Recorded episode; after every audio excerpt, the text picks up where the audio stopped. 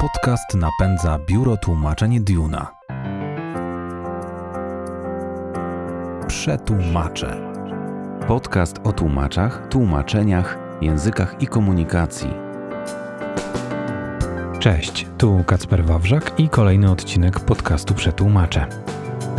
Moje zaproszenie przyjęła profesor Jowita Guja, kulturoznawczyni, filozofka, kierowniczka Laboratorium Badań Rzeczywistości Wirtualnej EDU VR Lab na AGH w Krakowie.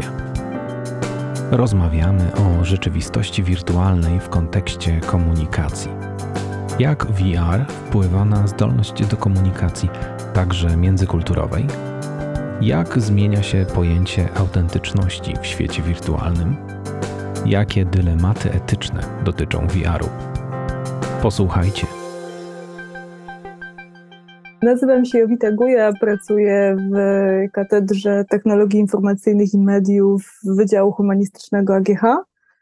E, jestem współzałożycielką i obecnie kierowniczką laboratorium EduVR Lab, który zajmuje się badaniem i wdrożeniami w obszarze wirtualnej rzeczywistości.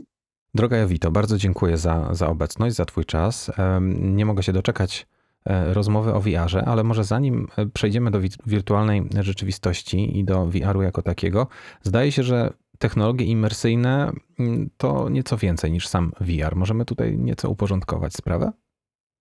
Tak, no możemy zacząć w ogóle od pojęcia samej imersji, która oznacza zanurzenie się, pochłonięcie przez jakiś świat wykreowany czy cyfrowo, czy, czy, czy, czy nawet w inny sposób. O imersji mówimy też czasami w odniesieniu do książek, które wciągają, w które się zanurzamy, więc technologie imersyjne z definicji są e, takimi technologiami, które sprzyjają takiemu zanurzeniu.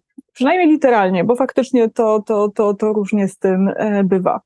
I w ich obszarze możemy mówić o technologii wirtualnej rzeczywistości, e, virtual reality, o rozszerzonej rzeczywistości, augmented reality, czasami także o mixed reality, która jest połączeniem e, jednej i drugiej, taki, takim spektrum, gdzie przeskakujemy od, od rzeczywistości fizycznej poprzez jakieś elementy fizycznej i wirtualnej do w pełni wykreowanej cyfrowo. E, I zasadniczo te technologie stanowią pewne kontinuum, czyli e, w wypadku rzeczywistości rozszerzonej mamy do czynienia tak naprawdę z przebywaniem cały czas w rzeczywistości naszej fizycznej, e, ale w tej rzeczywistości pojawiają się pewne cyfrowe elementy i one mogą wystąpić na ekranie naszego telefonu, jak w wypadku gry AR-owej Pokémon Go e, mogą też wystąpić w obszarze naszej fizycznej przestrzeni już literalnie w postaci na przykład hologramu, który z tą przestrzenią wchodzi w grę, jak w Gwiezdnych Wojnach starych na początku. Także to, to, to tak dokładnie wygląda, tak funkcjonuje. E, a e, wirtualna rzeczywistość jest z kolei taką przestrzenią w pełni wykreowaną cyfrowo, w której zakładamy zazwyczaj jakieś gogle do, do, do odbioru wirtualnej rzeczywistości albo coś zbliżonego i e, jakby odcinamy się, przenosimy się, co ciekawe, wraz z naszym ciałem, które jest mapowane, jakby wewnątrz, do, do wnętrza takiej, takiej, takiej e, przestrzeni, która jest całkowicie cyfrowo wykreowana.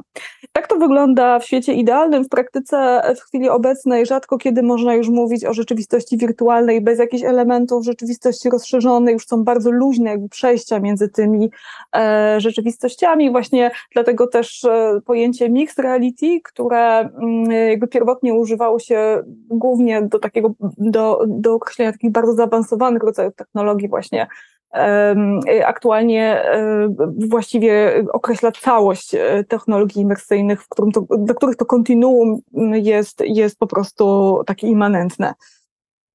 W takim razie zanurzmy się e, w VR i, i, co teraz? Czy będzie nam łatwiej się skomunikować? Bo chciałbym porozmawiać o komunikacji w tym wirtualnym świecie. Czy będzie nam łatwiej, czy będzie nam e, trudniej? Czy tam jest jakiś inny język, czy są jakieś inne do dyspozycji media, E, dzięki którym możemy się porozumieć? Na pewno są inne media do dyspozycji i nowe możliwości, ale może być nam zarówno łatwiej, jak i trudniej, bo ten nowy język, o którym tutaj mówimy, jest czymś, co wymaga dopiero stworzenia. E, zacznę może od takich możliwości technicznych, które mamy. Pierwsze, które, pierwsza taka możliwość, którą bardzo spopularyzowało w ostatnich dwóch latach określenie metaversum, które swojego czasu było po prostu wszędzie, to jest taka możliwość komunikacji, w której przenosimy się do jakiejś wirtualnej przestrzeni i spotykamy się z naszymi bliskimi, współpracownikami w postaci awatarów cyfrowych. To jest aktualnie najbardziej chyba popularny sposób takiego komunikacyjnego użycia rzeczywistości wirtualnej, który zyskał na znaczeniu w czasie pandemii. Sama z niego bardzo chętnie korzystałam i do pracy, i do kontaktów e, towarzyskich, e, ale on jest bardziej wymagający niż się wydaje, bo problem w tym, że mm, w VR funkcjonujemy dokładnie na tych samych zasadach, co w przestrzeni fizycznej, czyli dzielimy tą samą przestrzeń, jesteśmy blisko kogoś, blisko jego ciała, które jest jednak sztucznie wygreowane, które jest cyfrowe. I nie do końca na dzień dzisiejszy wiemy, co najlepiej się sprawdza, jeśli chodzi o mowę takiego ciała, jeśli chodzi o to, jak ono powinno być zaprojektowane, żeby tej komunikacji sprzyjać.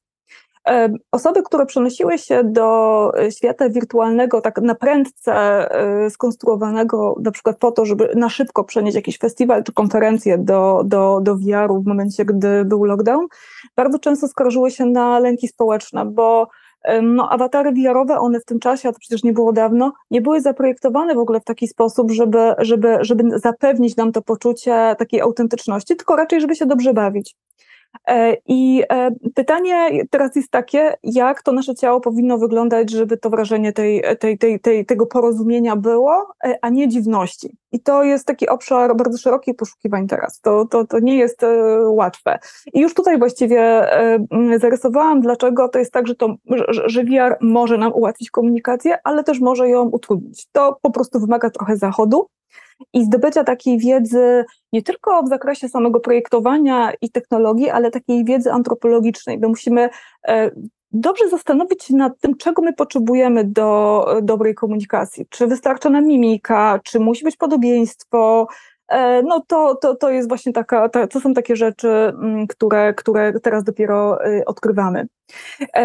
Inny taki sposób e, mm, e, skomunikowania się, troszeczkę bardziej futurystyczny, który też jest już możliwy i, i praktykowany, ale ma wyższy próg wejścia ze względu na e, po prostu koszty, to jest spotkanie się w naszej fizycznej przestrzeni z hologramem, na przykład naszej babci, która jest kilkaset kilometrów od nas, czy mamy, Mm, tak, to jest, to jest literalnie realizacja e, też konceptu z filmów science fiction. I tutaj, no cóż, tutaj jest o tyle e, może łatwiej, że to jest nasza przestrzeń, że możemy usiąść przy stole, który znamy. E, natomiast jeżeli chodzi o to, jak awatar powinien być skonstruowany, jak tutaj wybalansować pomiędzy dostępnością cenową sprzętu, a jakością tego cyfrowego ciała, no to problem pozostaje taki sam. Więc to są takie przykłady y, tych nowych możliwości, jakie ta technologia nam daje. Oczywiście możemy się też spotkać na ekranie tabletu na przykład, y, jak najbardziej, też w formie awatarów. To wbrew pozorom jest łatwiejsze mm, psychologicznie dla nas niż dzielenie tej samej fizycznie przestrzeni, dlatego że takie awatary osób, które znamy, które my widzimy na ekranie, one, mm, one są dla nas łatwiejsze do zaakceptowania.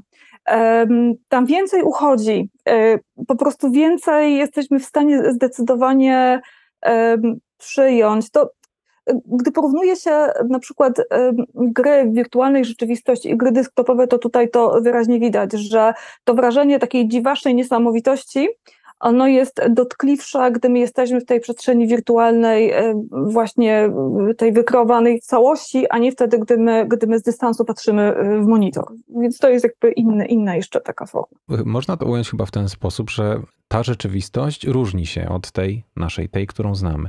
Pokazuje nas nieco innymi, może w ten sposób to ujmę. Pokazuje nas innymi niż jesteśmy w rzeczywistości. Ale czy to działa tylko na minus, czy możemy na przykład z tego skorzystać? Możemy się ulepszyć w tym świecie? Robimy to cały czas, także w świecie fizycznym, robiąc makijaż, stylizując się, więc tym bardziej mamy takie możliwości w świecie wirtualnym. No tutaj świat wirtualny ma to do siebie, że możemy się wykreować całkowicie od zera, że nasze ciało przestaje być dla nas ograniczeniem. E, tutaj e, zderzają się dwa rodzaje oczekiwań. E, gdy ja wchodzę do VR-u pokazując się jako y, mangowa postać, idealna dla mnie, prawda, totalnie inna. Ja się po prostu bardzo dobrze czuję w tej formie, jestem powiedzmy wojowniczką z zielonymi włosami. To nie jest powiedziane, że to będzie dobrze przyjęte przez moją mamę na przykład, czy, czy kogo innego, kto jest przyzwyczajony do tych gestów, y, mojej mimiki, y, jakichś, jakichś elementów y, mojej mowy ciała, czy czy, czy, czy po prostu mojego wizerunku fizycznego, które dla tego kogoś są integralną moją częścią. Ten ktoś próbuje mnie wtedy odnaleźć gdzieś w tej totalnie innej postaci, mm, niekoniecznie, niekoniecznie yy, czując kontakt. Yy, I to jest, to jest tutaj problematyczne, ale to jest właśnie też część takie, tego, co my musimy zbadać e, odnośnie jakby zdefiniowania e, takich minimalnych warunków komunikacji, bo być może jest tak, że wystarczy, że ja zachowam swoją mimikę.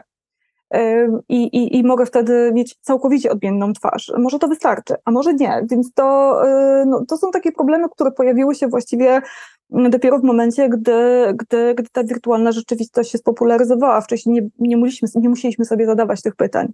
No a czy wirtualna rzeczywistość e, może pomóc nam e, w przełamaniu takiej, takiej bariery, która mm, no jeszcze całkiem niedawno wydawała się nie do przełamania, bariery między innymi geograficznej, ale także kulturowej. E, czy łatwiej nam się będzie skomunikować w takim świecie VR-owym z kimś odległym kulturowo? Myślę, że to bardzo zależy od nas. Nie sądzę, żeby to była kwestia samej technologii. To są osoby, którym łatwiej przychodzi wchodzenie w obce sobie środowisko, są osoby, którym to przychodzi gorzej. E, ja będąc e, introwertyczką, mm, chociaż tego pewnie po mnie nie widać na co dzień, gdy pierwszy raz weszłam do obcego środowiska wiarowego, no oczywiście było też obcojęzyczne, ja uciekłam z niego natychmiast, bo tutaj zderzyły się, zderzyło się kilka obszarów dziwności. Właśnie awatary, obcy język, obce środowisko, nie było właściwie nic, co mogłabym uznać za swojskie. Ale z drugiej strony już później, gdy, gdy e, zadomowiłam się w tym cyfrowym świecie, trafiłam na przykład na taką grupę Oculus Quest Ladies i to jest grupa, która zrzesza kobiety niekoniecznie młode, czasami to są osoby starsze, które są rozrzucone po całym świecie, bardzo często samotne gdzieś po prostu mieszkają. Taka standardowa użytkowniczka tej grupy mieszka na farmie w Arizonie, gdzieś odległej od całego świata. E, I to są osoby, które właśnie przełamują te bariery, spotykają się w tej przestrzeni wirtualnej, rozmawiają o swoich kobiecych sprawach, wspólnie grają, bo one właśnie tu się czują bardziej swojsko niż w swoim takim środowisku, gdzie są w sumie odizolowane. E, więc Zależy. Zależy, zależy od osoby, od kontekstu. Wiele z tych, e, tych e, dziwnostek, tych niesamowitości, jak to określasz, które nas e, dotykają.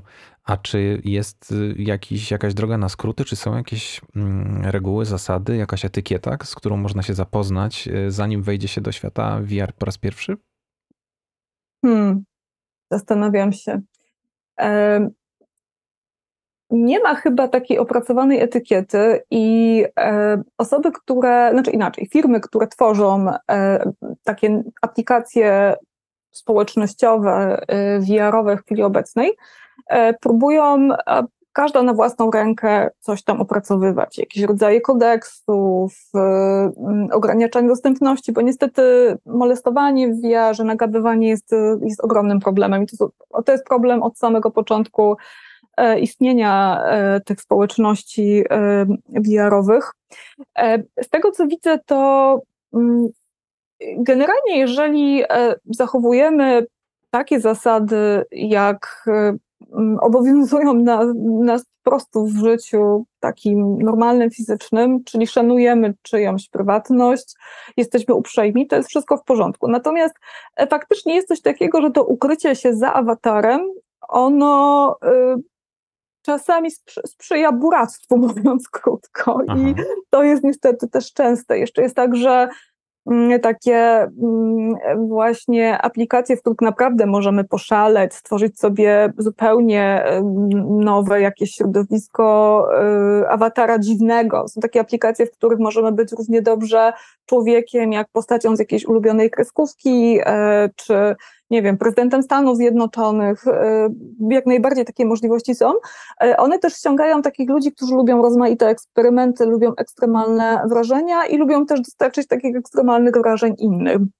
E, inna sprawa, że powstaje coraz więcej takich środowisk VR-owych, które są po prostu dedykowane jakiejś określonej grupie i, i, i tutaj e, takie osoby nie trafiają, tylko, tylko możemy spotkać osoby, które są nam do nas bardziej podobne może.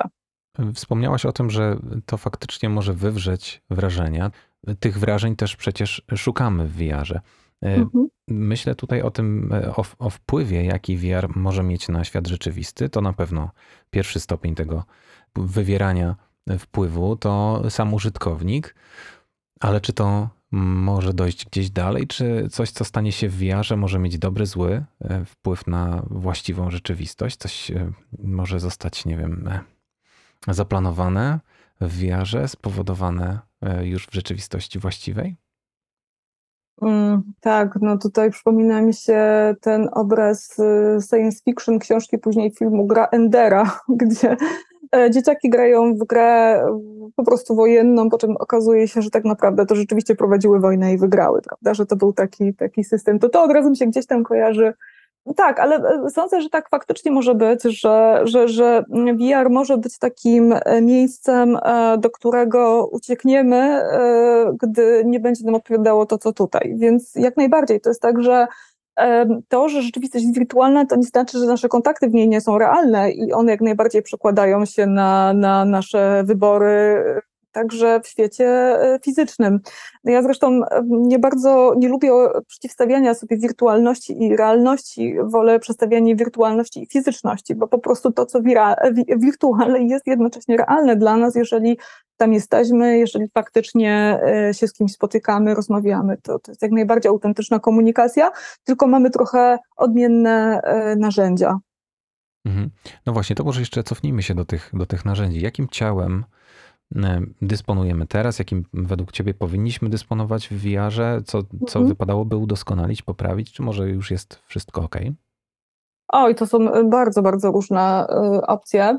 E, od, może zacznę od takich najpierwszych aplikacji VR-owych, które E, zakładały, że wystarczy właściwie, żeby oznaczyć, e, zlokalizować e, rozmówcę w przestrzeni. I tutaj mieliśmy takie dość uniwersalne ciała, każdy mógł wybrać podobne, troszeczkę je jakoś kustomizować przez wybór kolor włosów czy, czy, czy, czy oczu. Mm, to były takie, takie właśnie bardzo, bardzo uproszczone y, ciała, które właściwie nie miały ani mimiki, ani nie były mapowane ich dłonie. To było związane też z tym, że one były projektowane na znacznie prostszy sprzęt VR-owy niż mamy teraz, taki, który właściwie jedynie jest wyposażony w żyroskop i odczytuje ruchy naszej głowy. Aktualnie tych możliwości jest znacznie więcej. Y, aktualnie robi się bardzo częstym rozwiązaniem e, jest e, tworzenie awatara takiego e, bez rąk i nóg. On ma tylko twarz, głowę, dłonie i, i, i nie ma rąk i nóg. To wynika z tego, że taki dostępny powszechnie VR właśnie jest w stanie zlokalizować nasze ciało gdzieś w przestrzeni, odtworzyć całkiem nieźle ruchy głowy, szyi i dłoni. Mhm. W momencie, gdy dodamy awatarowi całe ręce, korpus, nogi, E, co też wiele, e, wiele, wiele aplikacji stosuje. To się dodaje, ale, ale wtedy e, ruchy właśnie całego ciała poza dłońmi i, i, i poza głową, one są po prostu sztucznie dopisywane przez algorytm i tutaj wychodzą dziwne rzeczy, czy te, że te ręce, nogi, one się dziwnie gdzieś po prostu zawijają, bardzo jest taki dziwaczny sposób poruszania się tego awatara. Swoją drogą też widziałam ostatnio na, na, na jednej z wystaw na festiwalu w Wenecji, Widziałam, że świetnie to, to też się da fajnie ograć, na przykład tworząc awatara takiego jakby drewnianego, gdzie, gdzie te dziwne, dziwne, pozornie nieskoordynowane ruchy rąk i nóg jakoś tam działają. E, no ale zasadniczo to, to jest trudne. E, no i jeszcze inna opcja stworzenia takiego wirtualnego ciała e, to jest, ona wymaga już użycia bardziej, bardziej złożonego sprzętu, możemy się po prostu trackerami poobwieszać i dokładnie zmapować nasze ciało. To, to też się da. E, tylko że to raczej nie jest e, taka technologia, która jest dostępna po prostu w każdym domu. E, to jest jakby jedna rzecz, czyli to, jak konstruowane jest w ogóle to ciało. Druga rzecz to jest, jaka filozofia stoi za tym, jak ono wygląda poza tym, czyli za naszą twarzą i tak dalej. No i są na przykład takie aplikacje, w których zakłada się, że my jesteśmy takim sympatycznym everymanem, czyli wszyscy jesteśmy do siebie trochę podobni, mamy lekki uśmiech, e, nie możemy z siebie zrobić tam seks bomb albo jakichś superbohaterów, tylko jesteśmy takimi po prostu sympatycznymi przeciętniakami. Bardzo często e, takie cyberciała są dostępne w aplikacjach, które są dedykowane na przykład wirtualnym konferencjom albo e, biurom, inna zupełnie e, taktyka to jest umożliwienie nam zrobienia wszystkiego. Możemy załadować swoje awatary, które zrobiliśmy sobie osobno w jakimś, w jakimś programie. No tutaj to mamy po prostu e, no, naprawdę festiwal kreatywności. I jest jeszcze jedna ciekawa technologia, która w teorii jest fantastyczna, w praktyce jak testowałam ją w wersji takiej niewysokobudżetowej, to, to, to wychodziło to słabo, to jest tworzenie awatara z naszego zdjęcia. E, I też w teorii to jest super, pod warunkiem, że jest to zrobione wysokobudżetowo. Jak jest zrobione niskobudżetowo, no to awatarowi brakuje mimiki, to mamy takie poczucie, że spotkaliśmy kogoś, kogo w sumie przypomina kogoś znajomego, ale to nie jest on, to jest jakiś po prostu niedorobiony sobowtór. Więc e, to jest, e, ale to też pokazuje, w jaką stronę ta technologia będzie mogła pójść, że będziemy w stanie kiedyś przenieść kopię, prawda, naszej, naszej osoby E, taką cyfrową do, do, do VR-u. Bardzo obiecujące są teraz takie e, próby, mm, są firmy, które się w tym specjalizują, które tworzą awatary mm, takie, które nie muszą być do nas podobne, ale stawia się e, na bardzo, bardzo dokładne odtworzenie mimiki. Teraz też w tych takich nowszych headsetach VR-owych, które powstają, e, gdzieś jakby są takie próby, żeby, de, żeby je już jakby fabrycznie wyposażyć w takie instrumenty, które umożliwią śledzenie naszej mimiki i wtedy możemy wyglądać jak superbohaterowie i superbomby, ale będzie w nas coś takiego, nawet jeżeli nie jesteśmy fizycznie, ale będzie w nas coś takiego, co, co, co będzie gwarantowało naszą rozpoznawalność. Więc wydaje mi się, że to są chyba takie najważniejsze ścieżki tworzenia tych cyberciał aktualnie. Wspomniałaś o tych festiwalach, wspomniałaś o konferencjach, e, takich pierwszych chyba pomysłach na e, skuteczne użycie e, nie tylko w, kwestiach rozrywkowych, ale takiej pożyteczności może e, ogólnie ujętej. Myślę tutaj o nauce języków na przykład, czy też w ogóle mhm. nauce czegokolwiek. Czy e, w tych celach również VR się mm, spełnia już teraz obecnie? Tak, tutaj ma ogromne możliwości.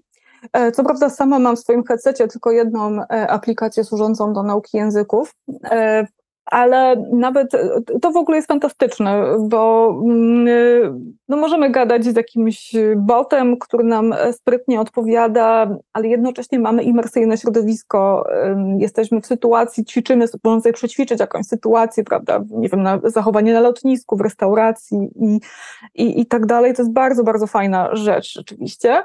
Mm, myślę, że, że, że, że to, no to jest jeden z większych potencjałów VR-u. Nawet się dziwię, że nie jest szerzej wykorzystywany jak na razie. E, no druga rzecz to to, że jeżeli jesteśmy odważni, e, to wejdziemy sobie do tych aplikacji społecznościowych i poznamy ludzi, porozmawiamy z nimi. E, to jest jednak taka już sytuacja bardzo żywa i no, dużo wymagająca od nas przełamywania barier, a jednocześnie faktycznie może ona bardzo dobrze zadziałać. E, też całkiem nieźle e, działa w ogóle samo granie w gry e, obcojęzyczne, no bo tutaj to imersyjne środowisko, ono bardzo sprzyja zapamiętywaniu, no jest to, jest, to, jest to z pewnością łatwiejsze niż taki mm, pod kątem nauki języka niż, niż, niż, niż nauka bierna czy, czy, czy sztuczna, po prostu w sali jakiejś z, z innymi uczniami. Także tak, jest to ogromny potencjał. z takiej klasy e, językowej można e, sobie wyjść, kiedy się chce, albo kiedy nauczyciel pozwoli, załóżmy, z takiej prawdziwej. Z VR-u również możemy uciekać, kiedy tylko chcemy, ale e, to póki co wydaje się naprawdę proste i każdy, kiedy tylko coś mu zagrozi, coś mu się nie spodoba, może rzeczywiście sprzęt po prostu wyłączyć i uciec. No ale może warto byłoby, żeby coś jednak wydarzyło się takiego, co nie będzie tej ucieczki nakazywać. Myślę o, mm, o jakiejś ochronie, e, o, o jakimś prawie, które mogłoby e, wkroczyć w, te, mm, w to środowisko, o, jakichś, o jakichś normach e, społecznych, które mogłyby tam zagościć, czy też, no chyba głównie chodzi mi o te aspekty prawne, które VR-u dotyczą. Mówiłaś o molestowaniu i o mm, nagabywaniu. Czy to je, próbuje być jakkolwiek e, powstrzymywane, zatrzymywane? Tak, tak, oczywiście. Znaczy, pierwsza rzecz to jest to, że to w ogóle wywołuje ogromne dyskusje społeczne. Gdy była ta głośna e, sprawa, w której testerka Horizon Worlds e, skarżyła się na molestowanie, to na przeróżnych grupach dyskusyjnych bardzo to była spora grupa ludzi, która to wyśmiewała, że oj tam, oj tam, przecież to wirtualna rączka, e, więc y, przecież wystarczy zdjąć headset. No ale to jest właśnie okropne, że headset e, trzeba zdjąć, że jest się wyrzucanym z jakiejś przestrzeni, którą przecież ma prawo się eksplorować. No to to jakby to też pokazuje problem z rozstrzygnięciami prawnymi, że no, trzeba jednak y, potraktować ten problem jako realny. A to nie jest takie łatwe, jest duży społeczny opór. Y, ale jeśli chodzi o rozwiązania, które już są wprowadzone, to też wspomniałam, że na razie jakby nie ma takiego uniwersalnego kodeksu, ale y, różne aplikacje takie społecznościowe wprowadzają własne jakieś rozwiązania. E, gdy jeszcze e, VR był takim dzikim zachodem, to e, na takiej platformie Altspace wprowadzono, ona właśnie została zamknięta zresztą, bardzo żałuję, bo to, to była pierwsza taka, taka platforma, wprowadzono na niej niewidzialnych moderatorów, którzy po prostu chodzili, sprawdzali i banowali. E, każdy z uczestników e, tego doświadczenia, który eksplorował tą wirtualną rzeczywistość, miał też możliwość wyłączenia, wyciszenia dowolnego użytkownika. Że ktoś do mnie podszedł, ja go mogłam zablokować, on przestał mi widzieć, ja już nie widziałam jego, pomimo tego, że dalej byliśmy w tej samej przestrzeni, byliśmy dla siebie niewidoczni. Mhm. E, I to było takie rozwiązanie bardzo oczywiste. Potem mm, pojawił się właśnie pomysł na metaverse y, ogłoszony przez y, Zuckerberga. Nie jest jego autorstwa, ale, ale był jego wielkim orędownikiem. E, I on zaczął pracować nad tą swoją, tym swoim metaświatem.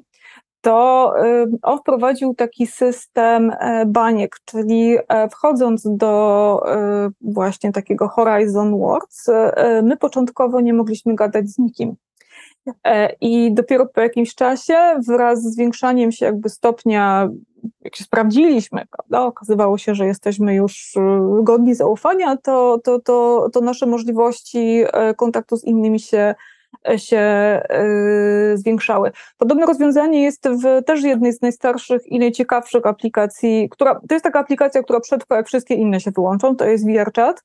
E, to tam też jest coś takiego, że jak się pojawiamy na początku, to ktoś nas musi zaprosić do swojego świata. VRChat jest właśnie takim, to jest, y, tam, tam po prostu każdy może swój świat stworzyć. Te światy są naprawdę niesamowite. E, ktoś nas musi zaprosić do takiego, albo możemy wejść do jakiegoś otwartego, ale nie, jakby nie możemy sami kogoś e, zaczepić. To, to jest po prostu na tej zasadzie, że jak gdyby zyskujemy nowe możliwości po prostu wraz z z, z, z tym, jak długo e, ten świat e, eksplorujemy. Spójrzmy może, może w przyszłość. E, zabaw się proszę w futurystkę teraz i powiedz, jak sądzisz, co to będzie? Jak to wszystko będzie wyglądało za 50, 100 lat w temacie wirtualnej rzeczywistości czy poszerzonej rzeczywistości? To jest zdecydowanie za daleka perspektywa, ponieważ tutaj te zmiany są tak gwałtowne, że futurystyczne już jest najbliższe 3-4 lata. E, bardzo, bardzo szybko ta, e, ta technologia się rozwija.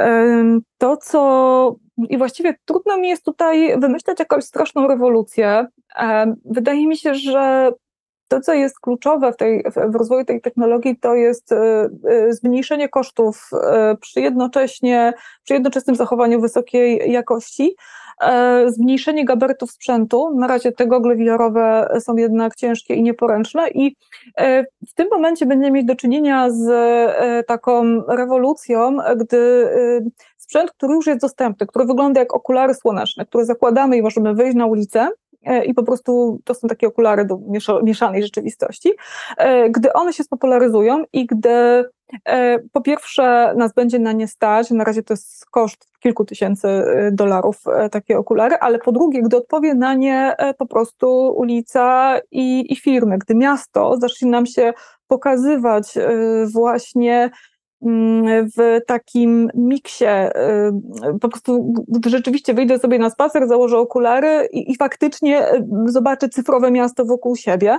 E, z tym, że ja niekoniecznie uważam, żeby to było dobre, e, ale myślę, że to się stanie i że to, to będzie rewolucją. Ale, ale, ale nie jestem jakąś entuzjastką tego pomysłu. Cały czas uważam, że E, że taka, taki pełny miks e, naszej rzeczywistości fizycznej i cyfrowej e, nie musi być dla nas korzystny, że no niby zawsze można te okulary zdjąć, ale to jest trochę taka sytuacja jak, no przecież zawsze może odłączyć, odłożyć smartfon, a jakoś ciężko jest to zrobić, nie? Więc, więc ja jakoś bardzo nie wyczekuję tego momentu. Wspomniałaś o tym wyjściu na ulicę, to mi jeszcze mm, przypomniał się jeden temat. Podróże. Czy obecnie mhm. można, skoro y, mówisz o tym, że te miasta jeszcze nie są obecne, a czy są jakieś y, ograniczone zasoby, które można w podróży zwiedzać? Mm, tutaj na przykład y, Google Earth udostępnia wirtualną wersję właściwie każdego miejsca już chyba na Ziemi. Nie ma jakichś zupełnie wyłączonych obszarów. E, podróże wirtualne, znaczy właściwie podróże takie, mm, może nie tyle wirtualne, ile e, VR-owe, które rozpoczynamy w naszym fotelu zakładając gogle e, i przenosimy się do jakiegoś miasta, w którym aktualnie być nie możemy, na przykład, nie wiem, do Madrytu, który jest realnym Madrytem, znaczy realnym, w sensie, w sensie, że widzimy film 360 na przykład w E, w czasie mm, aktualnego tego miasta, to co się dzieje teraz, czy to jest e, technologia, która jest bardzo popularna i, i, i te możliwości jak najbardziej są. One były przeze mnie osobiście bardzo eksplorowane w czasie pandemii. Wtedy właśnie, gdy były puste ulice, to był pierwszy lockdown, e, można było założyć gogle i przejść ulicą miast y, wirtualnie, po prostu w czasie, no nie powiem, że rzeczywistym, to nie był czas rzeczywisty, ale na przykład czas, to było to miasto z wczoraj albo z dzisiaj rana. Mhm. Były udostępniane takie doświadczenia 360. Tutaj akurat wspomniałam o Madrycie, bo to też jest moje osobiste doświadczenie. Ja e, dosłownie tuż przed lockdownem wróciłam z Madrytu, byłam tam na stypendium e, i e, to było dla mnie bardzo poruszające takie doświadczenie, gdy wyjeżdżałam z Madrytu, tam miasto żyło. Ja pamiętam, że wyjeżdżałam nocą, miasto żyło, po prostu masa ludzi na ulicach. Kilka dni później te ulice już były puste, a ja mogłam je podejrzeć właśnie z moich własnych gogli. I, i wiem, że miałam wtedy takie poczucie, że uczestniczę w czymś, co, czego się jeszcze rok czy dwa lata wcześniej absolutnie nie spodziewałam, zajmując wirtualną rzeczywistością. Tak, to, to tutaj można powiedzieć, że pod tym względem VR naprawdę jest, potrafi być takim oknem na świat i mm, no, doświadczenie pandemii nam to pokazało, że, że, że rzeczywiście VR potrafi zbliżyć mm, pewnych momentach, gdy, gdy rzeczywistość fizyczna nie zachowuje się tak normalnie, no to on potrafi e, właśnie gdzieś coś nam dać, e, co, co e, straciliśmy. No, jesteśmy uczestnikami ogromnej zmiany. Taką zmianę wypada dobrze zbadać, żeby może spodziewać mhm. się tego, co się wydarzy. Powiedz, e, czym obecnie naukowo się zajmujesz w kontekście technologii imersyjnych? Mhm. Ja się zajmuję kilkoma rzeczami. Mam kilka, kilka obszarów badawczych i e, badanie e, cyberciała i komunikacji w VR to jest jeden z głównych tematów, którym się zajmuję. Zajmuję się też takim edukacyjnym i biznesowym potencjałem VR-u. Zastanawiam się, w jaki sposób tą technologię można sensownie w różnych obszarach w różnych obszarach zastosować. E, poza tym e, takim moim konikiem e, jest mm, takie eksperymentalne użycie VR-u. Ja próbuję w takim projekcie wdrożeniowym, który też mam nadzieję, że się jeszcze rozrośnie bardziej niż już rozrósł, przenieść teksty i koncepcje filozoficzne do VR-u, przedstawić je właśnie w nowy sposób. Mm, tak, tutaj rozwijam taką aplikację KVR, która pokazuje system platoński właśnie w takiej nowej, trochę może metaforycznej formie, gdzie E, ten wysiłek intelektualny jest przekładany na wysiłek fizyczny. No i mam nadzieję, że ten projekt VR Zofii, że, że pójdziemy tutaj dalej, że uda nam się różne inne koncepty filozoficzne przenieść do VR-u. I widzę tutaj właśnie mm, ogromny potencjał, bo chciałabym chciałabym, żeby VR nam dał coś, nie coś, czego nam zabrakło, bo mieliśmy do tego dostęp w naszym fizycznym życiu, a teraz nie mamy, tylko żeby, e, żeby jakoś całkowicie poszerzył przestrzeń naszego doświadczenia, żeby nie był tylko jakąś rekompensatą albo jakimś erzacem, tylko żeby dał nam coś całkiem nowego, prawda? Że mnie fascynują VR-ze zupełnie nowe światy, które mogą powstać dzięki niemu. Takie oderwane od tego, co, co fizyczne. Bardzo, bardzo jestem e, wielką fanką chociaż e, pracuję na Giechu, który nie jest artystyczną uczelnią, ale jestem ogromną fanką artystycznego zastosowania VR-u, w którym, e, w którym nie trzymamy się realizmu, w którym nie staramy się nic symulować, tylko, tylko właśnie, właśnie stworzyć e, coś, coś całkiem nowego. No VR-em zajmujemy się też oczywiście na naszych kierunkach, na Wydziale Humanistycznym, na kulturoznawstwie, na informatyce społecznej. Uczymy nie tylko jak eksplorować i używać, ale też jak tworzyć te wirtualne światy. To też jest taki jedna z tych rzeczy, którymi się zajmuję. Droga Jawito, bardzo, bardzo dziękuję za to, że podzieliłaś się swoją cenną wiedzą. Życzę owocnych badań i wszystkiego, wszystkiego dobrego. Bardzo dziękuję Ci, Kacprze, za zaproszenie. Było mi bardzo miło. Wam również, drodzy słuchacze i słuchaczki, bardzo dziękuję za uwagę i już teraz zapraszam do wysłuchania kolejnych wydań podcastu Przetłumaczę. Do usłyszenia.